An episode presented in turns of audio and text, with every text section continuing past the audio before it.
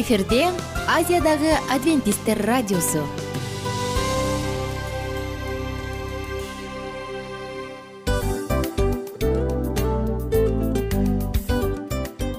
Достор салют.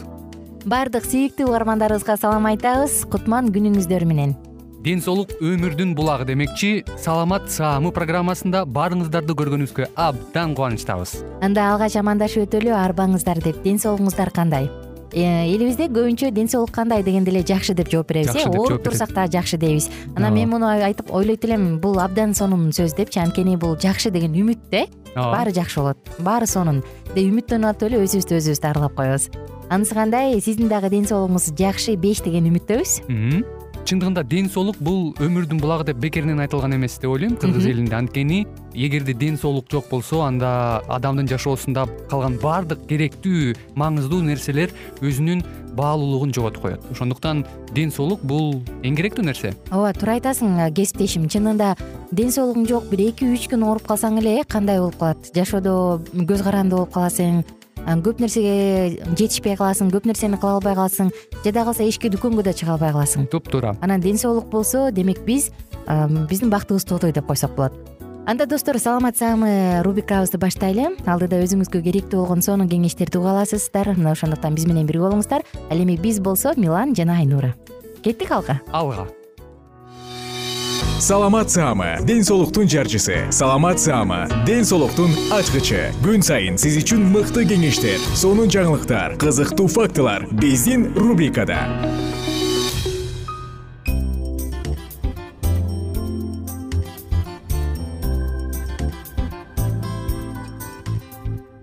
Салам достор салам айымдар жана мырзалар. Биз болсо сиздер менен темабызды улантабыз. Бүгүнкү тема курсактын булчуңдарын бекемдөө. Же болбосо курсакты киргизүү деп аталат. Курсак демекчи ар бир адамдын курсагы бар. Керек болсо кичинекей күчүктөр да сүткө тойгондо курсактары борсоюп чыгып калат эмеспи. Анысы кандай? Ар бир адамдын курсагы ар бир жаныбардын курсагы бар. Анан курсак дегенде эле ач курсак тоюнат ач бала менен ток бала ойнобойт деген сыяктуу макалдар келет дагы анан биз дароо ашказан менен чогуу ассоциация кылат эмеспизби. Туурабы кошуласызбы мага? Курсагым ачты курсагым ток деген сөздөрдү бирок биз бүгүн андан тышкары кененирээк физикалык курсак жөнүндө сөз кылабыз. Сыртынан көрүнүп турган кичинекей тогуз айлык болобу беш айлыкпы кичинекей ымыркайды көтөрүп жүргөн энелердин курсагынын домпоюп калганы мына ушунун баарын эске алабыз дагы бүгүн сиздер менен биз курсак жөнүндө темабызды улантабыз. Анда эмесе алдыны көздөй жөнөйлү. Эми курсуктар курсактын булчуңдарын дагы чыңдаш керекпи эмне себептен? Бул тууралуу алдыда сөз кылалы курсактын булчуңдарын бошоңдотуп майдын топтолушуна жол бербеш керек негизи. Мындай учурга көбүнчө отуруп иштеген жашоо образы алып келет. Эгерде сиз дагы күнүнө сегиз саат он саат отуруп иштесеңиз кыймыл аз болсо демек чындыгында мындай коркунучтун алдындасыз. Көптөн бери отуруп иштегендер билет болуш керек э? Былтыркы кийимиңди быйыл кийсең батпай калат анан аябай жаман болосуң ии толуп калдымбы деп. Бирок кол бутуңду карасаң толбой эле жакшынакай элесиң бирок кийимиң батпай калган белиң жамбашың чоңоюп кеткен. Мындай учур демек чындыгында курсактын чоңоюп бара жаткандыгы. Курсак чоңоюп кетпеш үчүн өзүңдүн талия же белиңди дайыма көзөмөлдө дейт. Адамдын негизи курсагы бул ички давленияга дагы ички давлениясына ээ эмеспи. Баардык ички органдар кайсы гана учур болбосун качан болбосун курсактын стенкаларын басып турат. Бул андан тышкары дал ошол жакта ошол курсакта майлар топтоло баштайт. Булардын баардыгы демек акырындык менен биздин белибиз жылдан жылга жооноё баштаганынан белги берет. Адамдын бели канчалык жоон болсо анда ал адамда жүрөк кан тамырларына оорусуна кант диабетинин экинчи түрүнө чалдыгуу коркунучу ошончолук зор. Канчалык бел жоон болсо ошончолук жүрөк ооруларына жана кант диабетинин экинчи түрүнө чалдыгып калуу коркунучу көп. Эсиңизде болсо мурунку уктурууда бир аз сөз кылганбыз э бул жөнүндө. Кандай ооруларды алып келиши мүмкүн? Индекси кандай кандай белдин кандай өлчөмдө болгону туура мына бул жөнүндө сөз кылганбыз эсиңизде болсо. Андан тышкары достор адамдын курсагынын булчуңдарын бекемдеш үчүн чыңалтыш үчүн көнүгүүлөрдү жасаш керек. Кандай көнүгүүлөрдү анын максаты кандай көнүгүүнүн максаты курсактын чоюлуп кетишине жол бербөө сен отуруп иштейсиңби туруп иштейсиңби айырмасы жок бирок курсак чоюлуп кетпеши керек. Ошондой эле тренировкаларды же машыгууларды жумасына үчтөн алты жолу жасап туруу керек. Ар бир тренировканы ар бир машыгуу көнүгүүсүн үч жок дегенде эле үч жолудан жасоо шарт. Ошондой эле достор ар бир көнүгүүлөрдү бир жолу жасап эле таштап койбостон бир аздан кийин улам улам кайталап жасалышы зарыл эми сиздерге кандай сунуш айтмакчыбыз? Эгерде сиз курсакты киргизем деп көнүгүү жасайын деп турсаңыз анда сөзсүз түрдө э, кайсы бир кеңештерге көңүл буруңуз?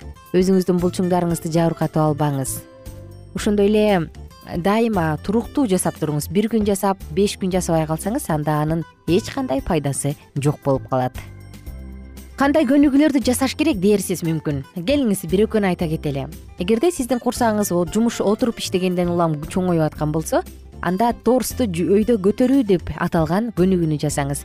Ал үчүн сиз катуу балким бул спорт маты болор же жука матрас болобу катуу жерге жатыңыз. Алдыңызда жөн гана жука ушундай матрас же мат болсун. Анан кийин эки колуңузду башыңыздын артына алыңыз.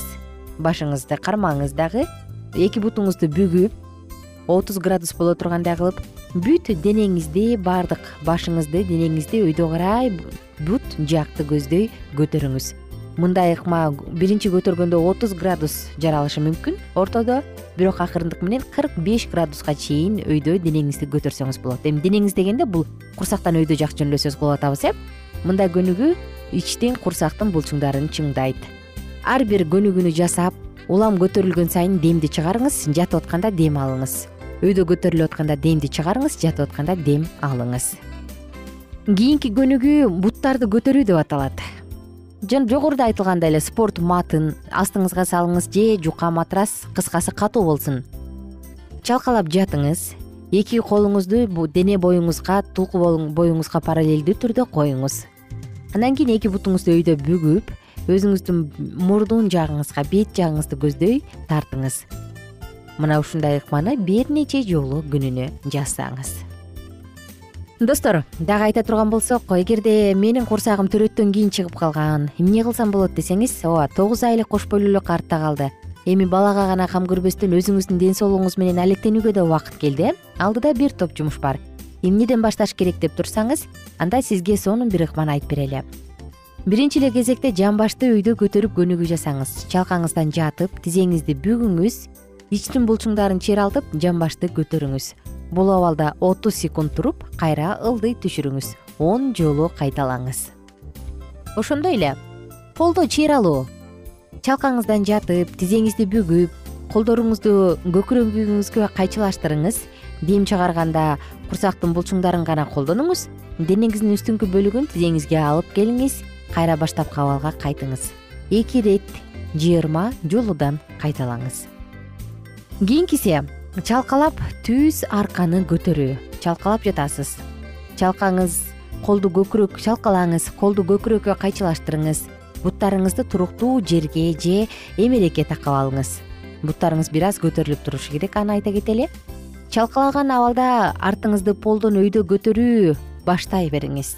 Чыйралганда дем чыгарып кайра баштапкы абалга кайтып келиңиз. Үч ирет он жолу кайталайсыз мына достор ушул сыяктуу көнүгүүлөр абдан көп. Эгерде сиз курсагыңыздын бошоюп болпоюп калганын байкасаңыз өзүңүздүн сулуулугуңузга кам көрүүнү алдын алып кам көрөйүн деп турсаңыз анда бүгүнкү кеңеш сизге майдай жагымдуу болду деп ишенем. Кайрадан амандашканча сак саламатта туруңуздар бар болуңуздар жана бай болуңуздар саламат саама ден соолуктун жарчысы. Саламат саама ден соолуктун ачкычы. Күн сайын сиз үчүн мыкты кеңештер сонун жаңылыктар кызыктуу фактылар биздин рубрикада. Салют замандаштар баарыңыздарга ысык салам.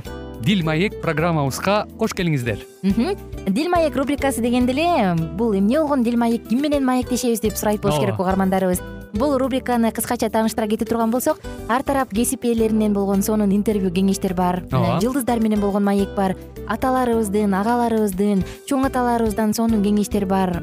Ошондой эле эже сиңдилердин кеңештери бар айтор. Баардык кызыктардын баары алдыда. Негизи эле адам баласы бир кимдир бирөөнө ишенип сырын ачкысы келет эмеспи э мындай баарлашууга жакын келебиз го. Албетте негизи бир жерге отуруп алып кенен шашпай баягы жүрөктөн жүрөккө ачып сырларыбызды ар кандай көйгөйлөрүбүз менен бөлүшүп баягы чын жүрөктөн маек курганды кимибиз сүйбөйбүз э? Ооба десең ал нерсеге суусап да келебиз да. Ооба кээ бирде адамга чындыгында баягы э, ысык маек баягы жылуу маек жетишпейт да. Ошондуктан биз ушул рубриканы ойлоп тапканыбызда эң биринчи эле достор сиздер менен чын жүрөктөн бир маңыздуу темаларды козгоп кеткени э, кааладык. Ошондуктан ушундай сонун бир рубриканы тартуулап жатабыз. Анын үстүнө радио дагы сонун дос да анткени э, мындай учурда досуңа айтсаң досуң досуна айтат досу досуна айтат да анан бүт өлкө билип калышы мүмкүн го.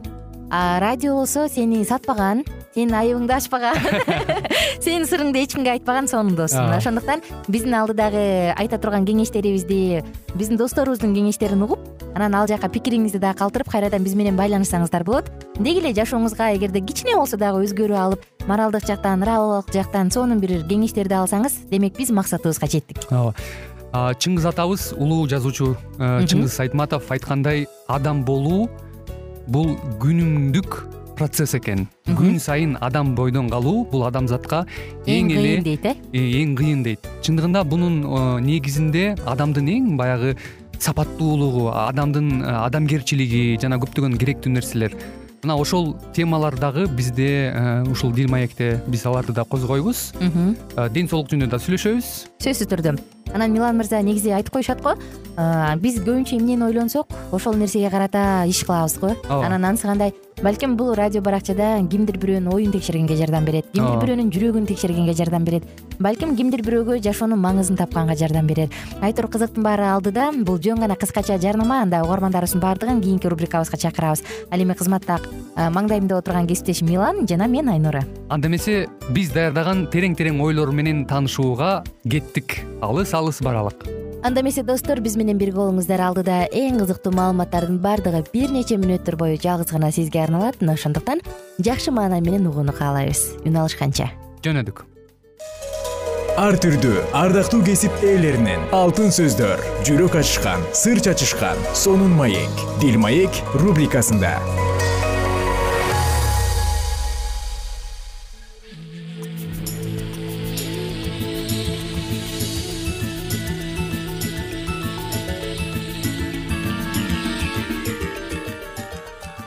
кутмандуу күнүңүз менен урматтуу угарман кайрадан эле биз сиздер менен дал ушул аба толкун аркылуу кездешип жатканыбызга абдан кубанычтабыз.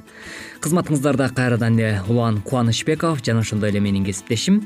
Саламатсыңарбы жана мен асель мамбетова ардактуу радио каармандар өзүңүздөр баамдап жаткандай эле ободо бактылуу никенин баалоо эрежелери аттуу уктуруубузду баштайбыз.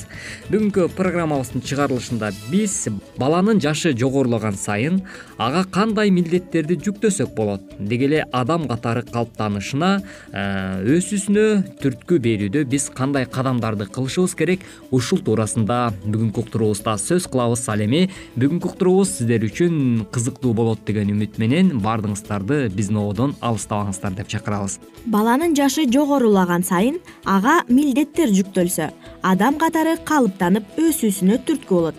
Биздин ар бирибиз өзүнө таандык болгон.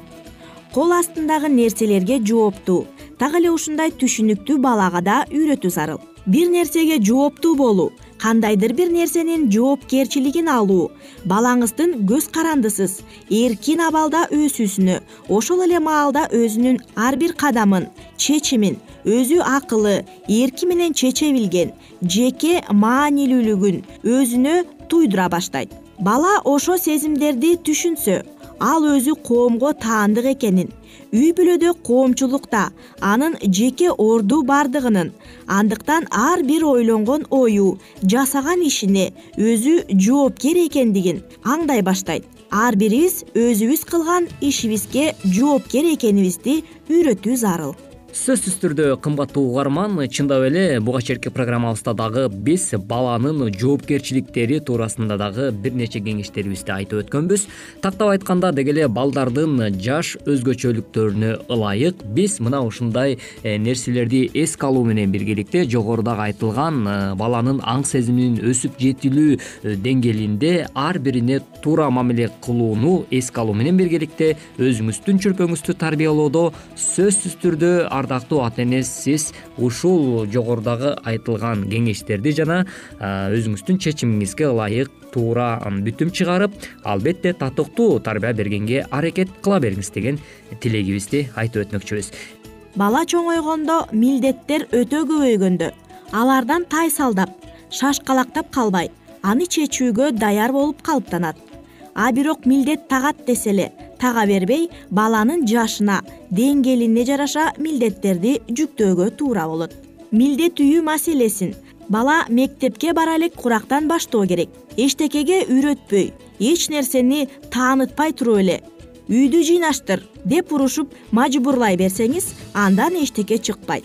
Ал үчүн аны эмне кылыш керек экенин майдалап чүйдөлөп түшүндүрүп берүү абзел баланын жаш курагы өйдөлөгөн сайын ошого жараша милдеттерди жүктөсөңүз туура болот сөзсүз түрдө мына ушул нерселерди эске алуу менен биргеликте ардактуу ата эне сиз дагы жогоруда биз айтып өткөндөй эле баланын өзгөчөлүктөрүнө башкача айтканда жаш өзгөчөлүгүнө өтө көңүл буруп мамиле кылгандыгыңыз абдан туура болуп саналат экен. Андыктан бул нерсени ар бир ата эне үй бүлөлүк шартта бала тарбиялоо жаатында аткарат деген үмүт менен маегибизди уланта беребиз. Ал эми эгерде кандайдыр бир сиздин үй бүлөдө түшүнбөстүк балаңыз менен ич ара пикир келишпестик бүгүнкү күндө ушул орчундуу көйгөй болуп турган болсо анда биздин толкундан алыстабай дал ушул мүнөттөрдө алдыдагы кеңештерге кулак сала бериңиз.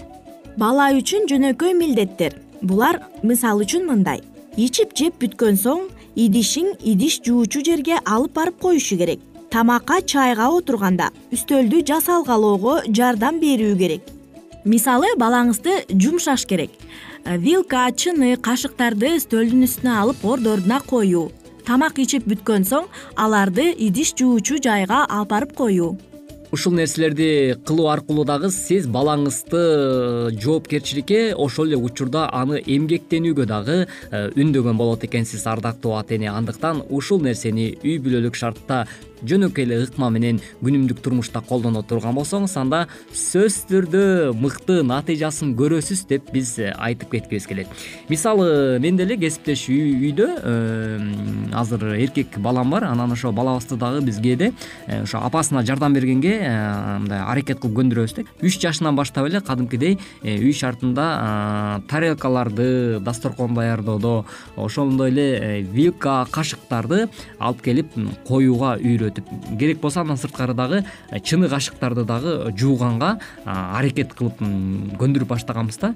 Мына ошонун жыйынтыгы кадимкидей эле мындай жоопкерчиликтүү болгонго тыккан болгонго таза жүргөнгө кадимкидей эле үйрөтөт экен жана үч жашар балаңызды бир нерсе жууганга быйтыйган колу менен аябай жууп ошол мезгилде өзүн аябай керектүү сезип аябай жакшы сезимдерге да толот да. Э, мындан сырткары дагы э, мисалы ал кылган ишине дагы кандайдыр бир э, комплимент сөздөрдү арнап ой азаматсың менин балам же кызым карачы сен кандай сонун жакшынакай таптаза кылып жуугансың деген сыяктуу мындай көңүлүн көтөргөн сөздөрдү айтып азамат менин балам же кызым мага жардам бергенге жарап калган турбайбы ушул сөздөрдү колдонуу аркылуу сиз албетте чындап эле көрө аласыз ошол убакта балаңыз кандай бир рахат менен кылып жатканын кадимкидей сезесиз. Жана ошол менен бирге эле балаңыз дагы дагы силерге жардам бергиси келип өзүн аябай керектүү сезип өзүн аябай чоң болуп калгандай сезип жакшы сезимдерди алып келет бул нерселер. Ардактуу угармандарыбыз жана ошондой эле сүйүктүү ата энелер э, ушул жөнөкөй ыкманы дагы жашоо тиричиликте колдоно турган болсоңуз анда жакшы жыйынтыгын берет деп сөзсүз түрдө ишендирип кеткибиз келет демек э, ушундай эле ыкмаларды биз деле урматтуу угармандар сөзсүз түрдө жашообузда колдоно бере турган болсок анда жогорудагы айтылган принциптерге таянып жашообузга күнүмдүк эреже катары киргизип ала турган болсоңуз анда сөзсүз түрдө биз келечекке татыктуу инсандарды тарбиялап өстүргөн болот экенбиз. Ардактуу радио угармандар ушуну менен бизге бөлүнгөн убактыбыз дагы өз соңуна келип жетип калды. Уктуруубузга кулак төшөгөнүңүз үчүн ыраазычылык билгизебиз эмки оодон кайрадан эле э, бактылуу никенин баалуу эрежелери аттуу уктуруубуздан кезиккенче амандыкта туруңуз. Ар түрдүү ардактуу кесип ээлеринен алтын сөздөр жүрөк ачышкан сыр чачышкан сонун маек бил маек рубрикасында. Жан дүйнөңдү байыткан жүрөгүңдү азыктанткан жашооңо маңыз тартуулаган жан азык рубрикасы.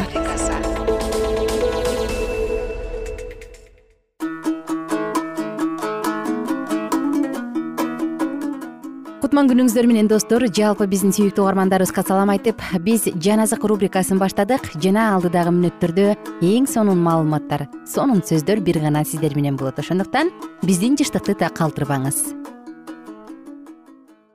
Сулаймандын акыл сөздөрү. Онунчу бөлүм. Онунчу аяттан ары улантабыз. Көзүн ымдаган адам бирөөнү ыза кылат ал эми акылсыз адам оозунан жаңылып жыгылат адил адамдын оозу өмүр булагы. Ал эми мыйзамсыздардын оозу зулумдукту жаап жашырат. Жек көрүү жаңжал чыгарат. Ал эми сүйүү бардык күнөөнү жабат. Акылдуунун оозунда акыл бар. Ал эми акылсыздын денесинен таяк кетпейт. Акылдуулар билимди сакташат. Акылсыздар оозу тез келүүчү өлүм. Байдын мүлкү өзүнө чептүү шаар жакырлардын кайгысы өздөрүнүн начар турмушу. Адил адамдын эмгеги өмүргө ээ кылат. Мыйзамсыздын ийгилиги күнөөгө алып барат. Акыл насаатты сактаган адам өмүр жолунда. Акыл насааттан баш тарткан адам адашып жүрөт. Жек көрүүсүн жашырган адамдын оозу жалган ушак тараткан адам акылсыз адам. Көп сүйлөгөн адам күнөөгө батпай койбойт. Тилин тыйган адам акылдуу адам. Адил адамдын тили тандамал күмүш мыйзамсыздын жүрөгү эч нерсеге арзыбайт. Адил адамдын сөзү көптү багат. Акылсыздар акыл жетишпегенден өлүшөт. Теңирдин батасы байытат өзү менен кошо кайгы алып келбейт. Акылсыз адамга кылмыш кылуу оюн тамаша ал эми акылдуу адамга акыл таандык. Мыйзамсыз эмнеден корксо анын башына ошол түшөт. Ал эми адил адамдын тилеги аткарылат. Мыйзамсыз адам куюн учургандай жок болот. Ал эми адил адам түбөлүк негизде турат. Тишке уксус кандай болсо көзгө түтүн кандай болсо? Жалкоону жумшаган адамга жалкоо да ошондой. Кудайдан коркуу өмүрдү узартат ал эми мыйзамсыздардын өмүрү кыскарат. Адил адамдарды кубаныч күтүп турат мыйзамсыздардын үмүтү таш кабат теңирдин жолу кемчиликсиз адамдар үчүн чеп мыйзамсыздар үчүн коркунуч. Адил адам түбөлүккө олку солку болбойт мыйзамсыздар болсо жер үстүндө калышпайт. Адил адамдын оозунан акылдуу сөз чыгат. Ал эми алдамчы тил кесилет. Адил адам орундуу сүйлөгөндү билет ал эми мыйзамсыздын оозунан ыплас сөз чыгат. Он биринчи бөлүм. Туура эмес тараза теңирдин алдында жийиркеничтүү. Туура тараза ага жагат текебердик келгенде маскаралык да келет. Ал эми момундарда акылмандык куулугу жок адамдарды чынчылдыгы жетектейт ал эми жүзү караларды амалкөйлүгү өлтүрөт. Каар төгүлө турган күнү байлык жардам бербейт. Ал эми адилдик өлүмдөн куткарат. Кемчиликсиз адамдын жолун өзүнүн адилдиги түздөйт.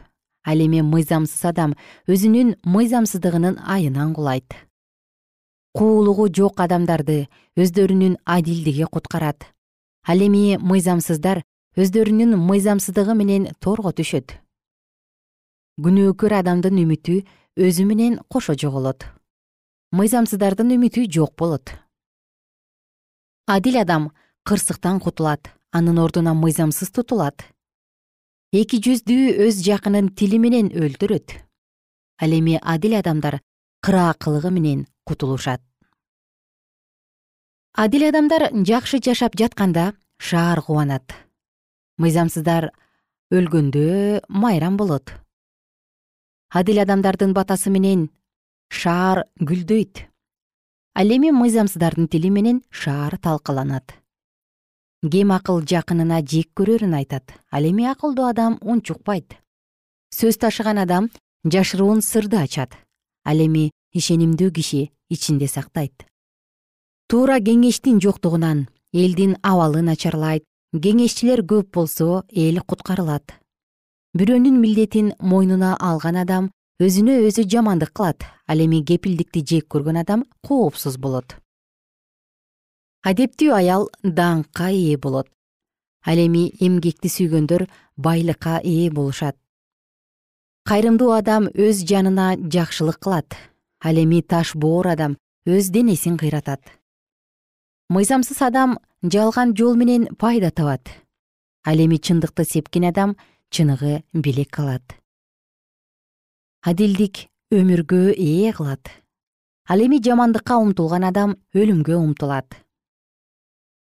Жүрөгү бузук адамдар теңирдин алдында жийиркеничтүү ал эми кемчиликсиз жашагандар ага жагат. Бузуку адам жазаланбай калбайт деп кепилге өтүүгө болот ал эми адил адамдардын тукуму куткарылат. Сулуу бирок акылсыз аял мурдуна алтын шагек тагылган чочкодой. Адил адамдардын каалаганы жалаң жакшылык мыйзамсыздарды каар күтүп турат. Бирөө мол себет аныкына дагы кошулат. Экинчи бирөө ашкере үнөмчүл ошого карабастан жакырдана берет. Кайрымдуу жан бирөөнүн суусунун кандырган адамдын да суусуну кандырылат. Данды кампасына катып алган адам элдин каргышына калат. Ал эми саткан адамдын үстүндө бата болот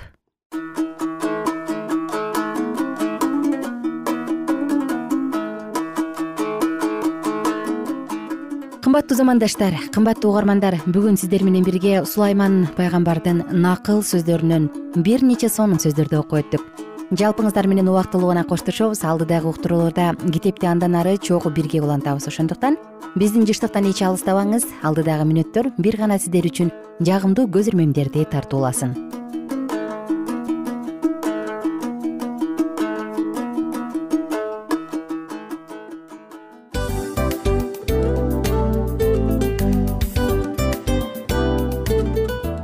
мына ушинтип убакыт дагы тез өтүп кетет экен биз дагы радио уктуруубуздун аягына келип жеттик. Келип кубандырдыңар эми кетип кубандыргыла деп тамашалап калышат эмеспи анысы кандай? Радио баракчабызды программабызды азыр эле баштап аткандай болдук элек мына соңуна келдик э? Негизи убакыт э, билинбей өтүп кетет экен?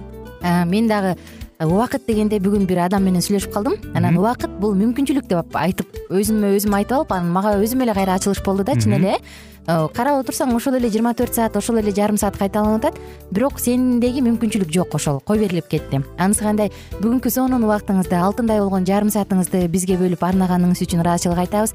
Анан жашооңуздун кайсы бир сферасын өзгөртө турган сонун пайдалуу кеңеш алган болсоңуз анда биз максатыбызга жеттик. Анан ушул нерсени кылбасам десеңиз ошол өзгөрүүлөрдү кичинекей кадамдардан баштап иш жүзүнө ашырыңыз дагы жашооңузда чоң чоң ийгиликтерге жетиңиздер чын жүрөктөн ар бир берилген кеңештер сөздөр сиздерге пайдасын алып келет деп ишенебиз. Жана кийинки уктурууларда сөзсүз түрдө чыдамсыздык менен сиздерди күтөбүз. Сагынычтуу салам айтып кайрадан дал ушул жыштыктан баардыгыңыздарды тосуп алганча кызматта мен айнура жана кесиптешим милан. Анда кол булгалайбыз жалпыңыздарга ийгиликтүү күн. Саламатта калыңыздар